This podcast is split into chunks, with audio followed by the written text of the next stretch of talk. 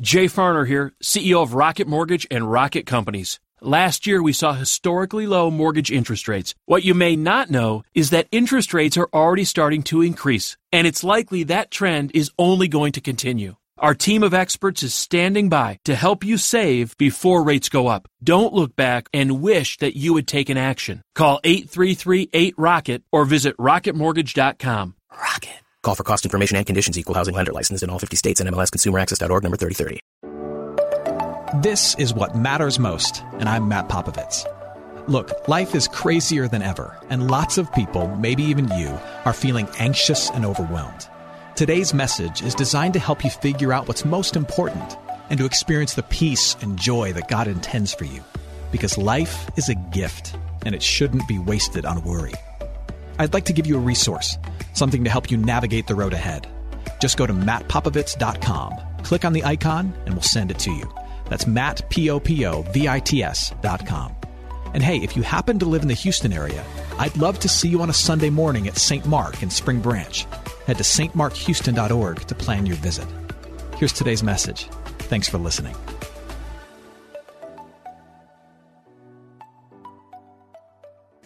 So there's a television show that my wife and daughter love. It's called, maybe you've seen it, it's called Say Yes to the Dress. Have you seen this show? Raise your hand if you've seen this show, right? All right, so for, for those of you who haven't seen it, let me just get you up to speed. Uh, the premise is very simple women in wedding dresses. That's it. Just, just women trying on wedding dresses, standing in a mirror and saying, I, I, just, I just don't know. That's the whole show. And, it's, and it's crazy to me as I watch this with my, with my family, the amount of effort that people will pour into finding the perfect dress. And you can tell when they found it, when they're ready to say yes to the dress, because the same thing happens every time. The bride smiles, the mom cries, the dad pulls out his wallet. And, and then dad cries, right? And, and for some people, it's, it's kind of like pointless television. Like, you're going to wear it once, pick it out, pay for it, and call it good. But, but for others, it's different. You know, the, the, the whole journey of preparing for the wedding, of choosing the right dress, of, of making sure you look as lovely as possible are some of the most meaningful moments in life. And while some struggle to relate with that, God totally gets it. In fact, the idea of a bride preparing for a wedding and aiming for the perfect dress is a picture that God uses over and over in his scriptures to describe the relationship of the church to Jesus Christ, his son. And it's that picture of a bride preparing herself for the wedding that we're going to talk about today. Let me give you a little background first. So, if, if you're new to Christianity, something you, that might be helpful for you to understand is that the Bible tells Christians that, that the moment you receive faith in Jesus, once a relationship of, of dependence upon Jesus' perfect life and his sacrificial death is established through belief and baptism, which we saw this morning, that, that it's done once that relationship is established, you're counted as beloved. You're counted as belonging to God's family. Yet, things aren't quite over for you. You, you are a member of God's family. You are beloved by the Father, yet Jesus, your King, is in heaven. He's not here. He's, he's in heaven and he's ruling from above, and we're here on earth kind of struggling below. But God tells us that one day this Son will come back for his people and make everything complete. He will bridge the gap between saved and Savior by returning here, and he will take the hand of Chloe, of Matt, of everybody who has been brought into his family through faith. He'll take the hand of all those who have faith in him, and he will carry us across the threshold of a new home called eternity where we will live forever. This is why God says that in some ways the church is kind of like a bride. he's perfectly, purposely making a, using a metaphor here. He's, he's saying the church is kind of like a bride. We are engaged to Jesus, so to speak, and awaiting a wedding. So, so faith, the trust we have in Jesus, is kind of like the engagement.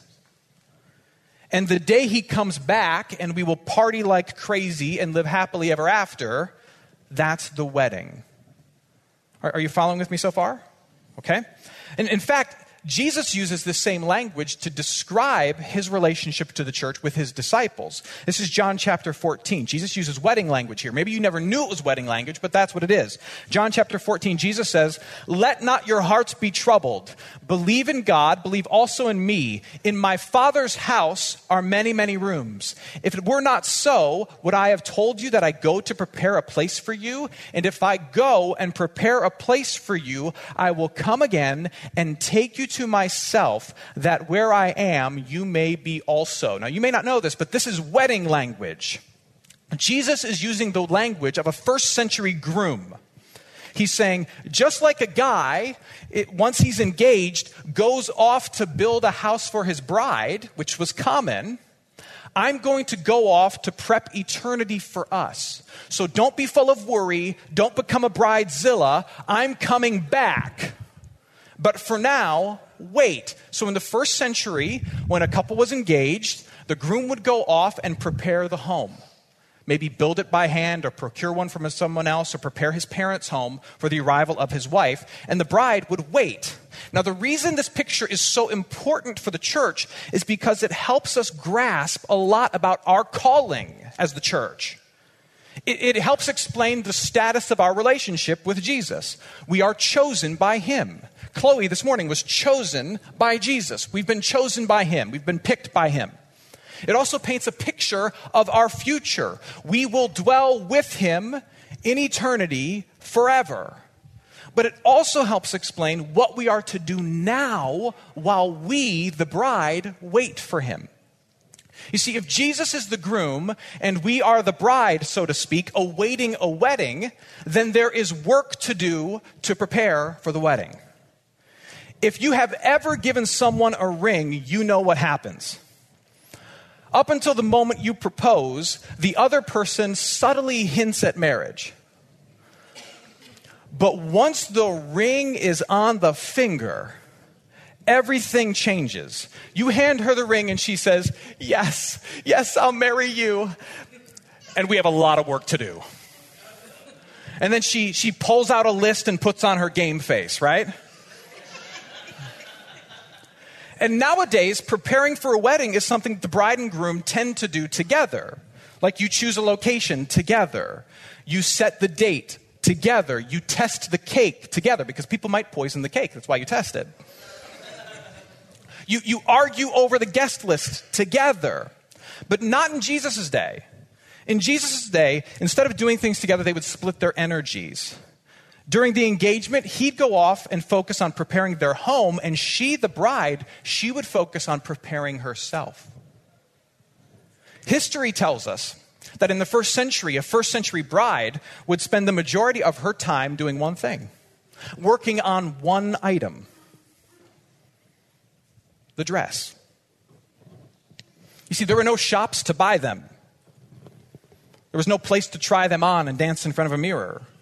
So most brides would spend their entire engagement making one. The greatest work a bride could do in preparing for her wedding is making her own gown. That's why you see this language in the book of Revelation, chapter 19.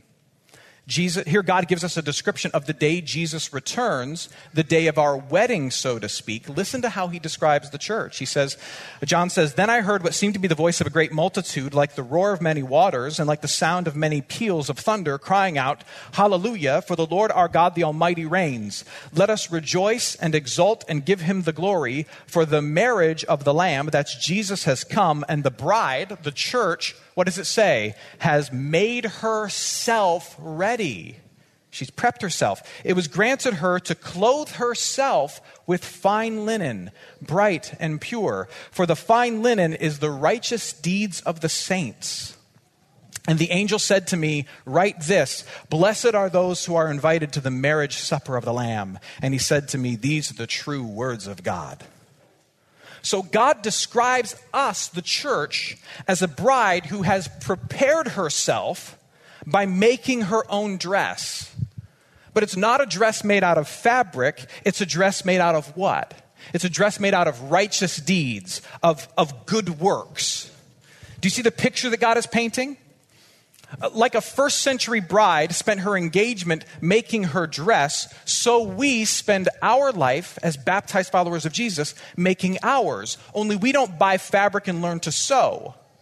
We decorate ourselves in things like loving our neighbor, turning from sin, praying for our enemies, resting in the love and goodness of Jesus, so that when the wedding day arrives, Jesus sees the most beautiful bride possible. Are you following with me? Okay. Now, here's where it gets really, really interesting. What this means is that right now, no one looks like this. I'm going to show you a picture of some of the classic brides throughout history. You have Princess Kate, you have Carolyn Kennedy, you have Grace Kelly, you have Leslie Knope. These are some of those beautiful brides in history. None of us, using the metaphor of a bride preparing herself for Christ, looks like this. None of us is so covered in spiritual maturity, so covered in faith, love, and kindness that our dress is complete. You can just leave that up there for now. No, this is a picture of what we will look like in the end, of what we hope to look like one day. But right now, you and I, our dress, our adorning ourselves in goodness is not finished. We are a work in progress. One scholar notes that in Jesus' day, engaged brides would wear the completed portions of their dress as they made them. So as they're, as they're going through life, they might have a sleeve of their dress on, or just the, the skirt of their dress, or just another piece of their dress on their person at all times. That's because they were constantly working on it. They'd be sitting in a field sewing a sleeve. And two, it served as an engagement ring of sorts. It served as a symbol to others that she was taken. So think about this. What you had were women walking around not like this but women who were wearing unfinished yet beautiful gowns. They looked more like this. Let's show the other picture. You see a dress being sewn, you see a shop where dresses are made. You see bits and pieces of something beautiful but not yet complete. What you had were women walking around covered in those types of things. That's the church. That's you. That's me. Someone who clearly belongs to someone else, someone who's preparing for a beautiful day, someone who's guaranteed a glorious future, but who is still in the process of becoming a beautiful bride. Now, here's where this is helpful. Have you ever wondered why there are still arguments and fights and politics in the church? Have you ever met someone who claims to follow Jesus but acts more like Donald Trump? You leave, leave that picture up there for right now. Have you ever wondered why there are times where your faith is strong and your life is obedient, and then the next day you reject it all and you act like a fool? You ever wondered why? This is why. You're an unfinished bride. Your dress that covers you simply isn't done, and it won't be ready really until Christ returns, and the old you is still showing through. You're an unfinished bride. Last week, the book of Hosea taught us that the church is a collection of really unfaithful people who God has decided to love through Jesus. Which means that whenever you look at a member of God's family, because our dress is not done, you'll always see evidence of who I used to be and who I'm struggling not to be. You will always see the scars because it's not quite covered yet. Now, there are some who will say, exactly, Pastor Matt, this is why I don't like organized religion. There are far too many unfinished people whose dresses aren't beautiful enough yet. The church is full of hypocrites. And these hypocritical people, they get in the way and they screw things up. And they'll, so they'll say things like, I love Jesus, but I just can't stand the church. To which I say, no. If you don't like the church, you don't like Jesus. You can't love Jesus and hate the church. Why? Because Jesus loves the church, and your standards don't get to be higher than his. Just because the church is a work in progress doesn't mean you get to write her off. Although you can see the bride's scars, you still have to show her some respect. And that comes in several forms. So, how do we show this unfinished bride some respect? I hope you're enjoying today's message. For more of what matters most, you can head to mattpopovits.com. There you'll find other messages. You can support this ministry as well as access your free gift. Oh, and if you're looking for a local church and you live in Houston, come and see what's happening at St. Mark Houston. To plan your visit, head to stmarkhouston.org. Thanks for listening, and back to today's message. So, how do we show this unfinished bride some respect? First, you get involved. You jump into the life of the bride and the church. You make some friends. You see, if the church, with all of her unfinishedness, is worth Jesus' time and effort, then certainly it's worth yours. Not only that, but you respect the church by inviting others to be a part of it. If you believe being a part of the bride offers forgiveness and eternity and hope and direction despite our problems, then why wouldn't you want other people to take part in that? Not only that, but we show the bride some respect by dealing with our problems in a proper way. When you have an issue with the church, when you have an issue, say, with OSNY, when we do something stupid, and that day will come because we are unfinished, you don't get to just gossip about it. You don't get to talk trash about the church. Why? Because when you do, you are bashing Jesus' bride, and he won't stand for it. If you've got an issue, you bring it out into the open. Likewise, when a follower of Jesus wrongs you, you don't get to write them off and refuse to forgive. Why? They're a part of the bride, they're a part of the church. If Jesus sees, sees fit to love and forgive her, then so should you. I remember I was 13 years old and I was mouthing off to my mom, which was a common occurrence when I was 13. And my dad was in another part of the house. He overheard what I was saying and he came running over to me and he got in my face and he said this You might have problems with her, but I love her. And remember, before she was your mom, she was my wife. And I was like, Okay, that's cool.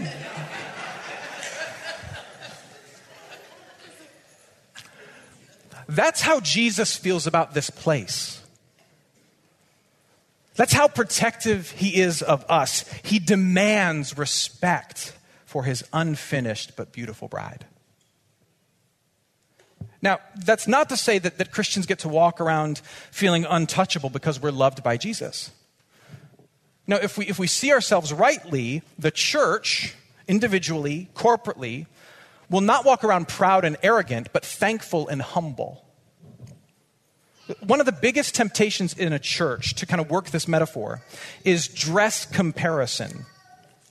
Someone new shows up to the church, someone with a lot of their brokenness still showing, and others will look at him or look at her and say, Oh, she hasn't even started yet. I got a sleeve and a skirt and a veil. Who does she think she is walking in here with just a couple of strands? I can see all her sin. I'm so glad I'm put together. On the flip side, you'll hit a season of struggle. You'll snag your dress. And you'll develop contempt for someone who seems a little further along than you. Their life will look a little bit more put together, and pretty soon you're looking at them saying, Well, he ain't no saint. I can see some holes. You ever felt that way? But I love what Paul says in 1 Corinthians. He puts everyone in their place. He writes this He says, Consider your calling, brothers. He's not talking your calling as in job. He's saying, Consider how, how you entered the family of God. Cons- remember who you were when you came in here. Not many of you were wise according to worldly standards. Not many of you were powerful. Not many of you were of noble birth. But God chose God chose what is foolish. You're the foolish one. God chose you who is foolish in the world to shame the wise. God chose what is weak. You who are weak in the world to shame the strong. God chose what is low. You who are low and despised in the world, even things that are not, to bring to nothing things that are, so that, here's the key, no human being might boast in the presence of God.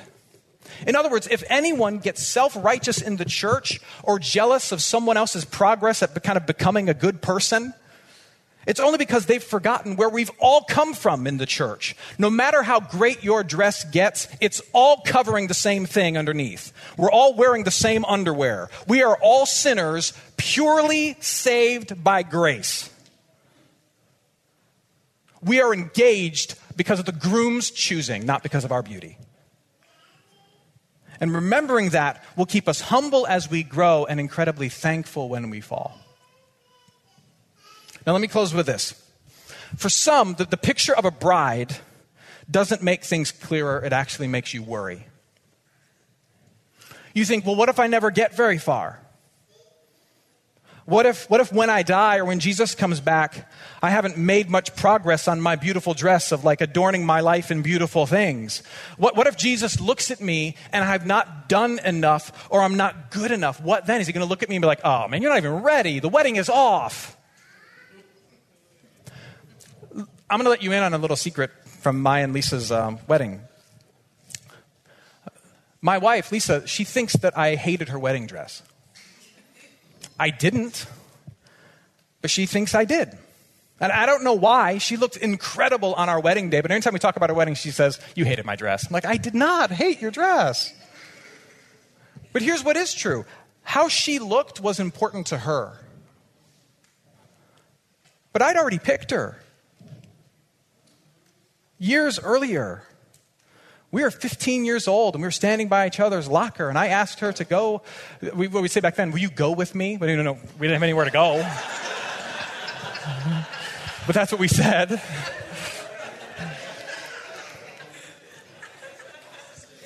I, I knew I was going to marry her. What mattered to me was not how she looked, but that she was mine. And everything else was icing on the cake. She could have come down that aisle wearing yoga pants and a baggy sweatshirt, and I would have been like, You look great, let's go.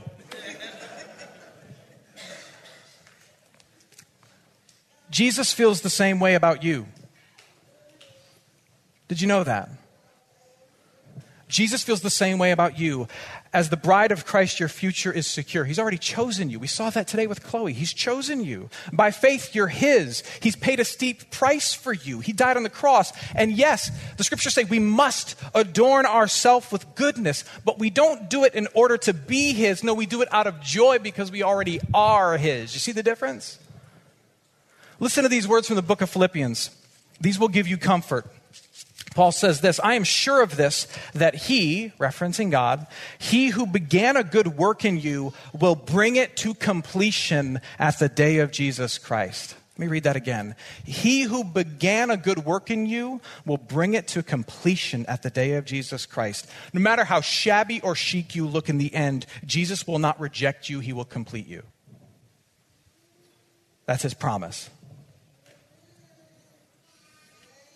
I'll tell you this for the life of me, I will never understand that television show. But I love the picture of a bride in preparation. A bride who, despite being a work in progress, has incredible joy because she's attached to Christ. A bride whose fiance is off preparing an incredible new home for tomorrow and who demands respect for her and offers unending grace to her today. OSNY, we, we must adorn ourselves in beauty. We get to adorn ourselves in beauty. We get to make our own dress. And we must. Why? Because we have been chosen. And because our King, our hope, our Christ, who loves us and who deserves our best, is coming soon. Amen. Hey, it's Matt. I hope you enjoyed what matters most. Here's what I need you to know life is a gift, and it shouldn't be wasted on worry. I want to help you figure out what's most important and to experience the peace and joy that God intends for you. So for more content, you can head to mattpopovits.com. That's Matt, P O P O V I T S.com. There you can also support this ministry as well as access your free resource, a little something to help you navigate the road ahead. I'd also love to see you on a Sunday morning. If you're in the Houston area, head to stmarkhouston.org to plan your visit. In the meantime, hit me up on Instagram at mpopovits or at facebook.com slash Matt Popovits Ministries. Thanks for listening. Now go and hold tight to what matters most.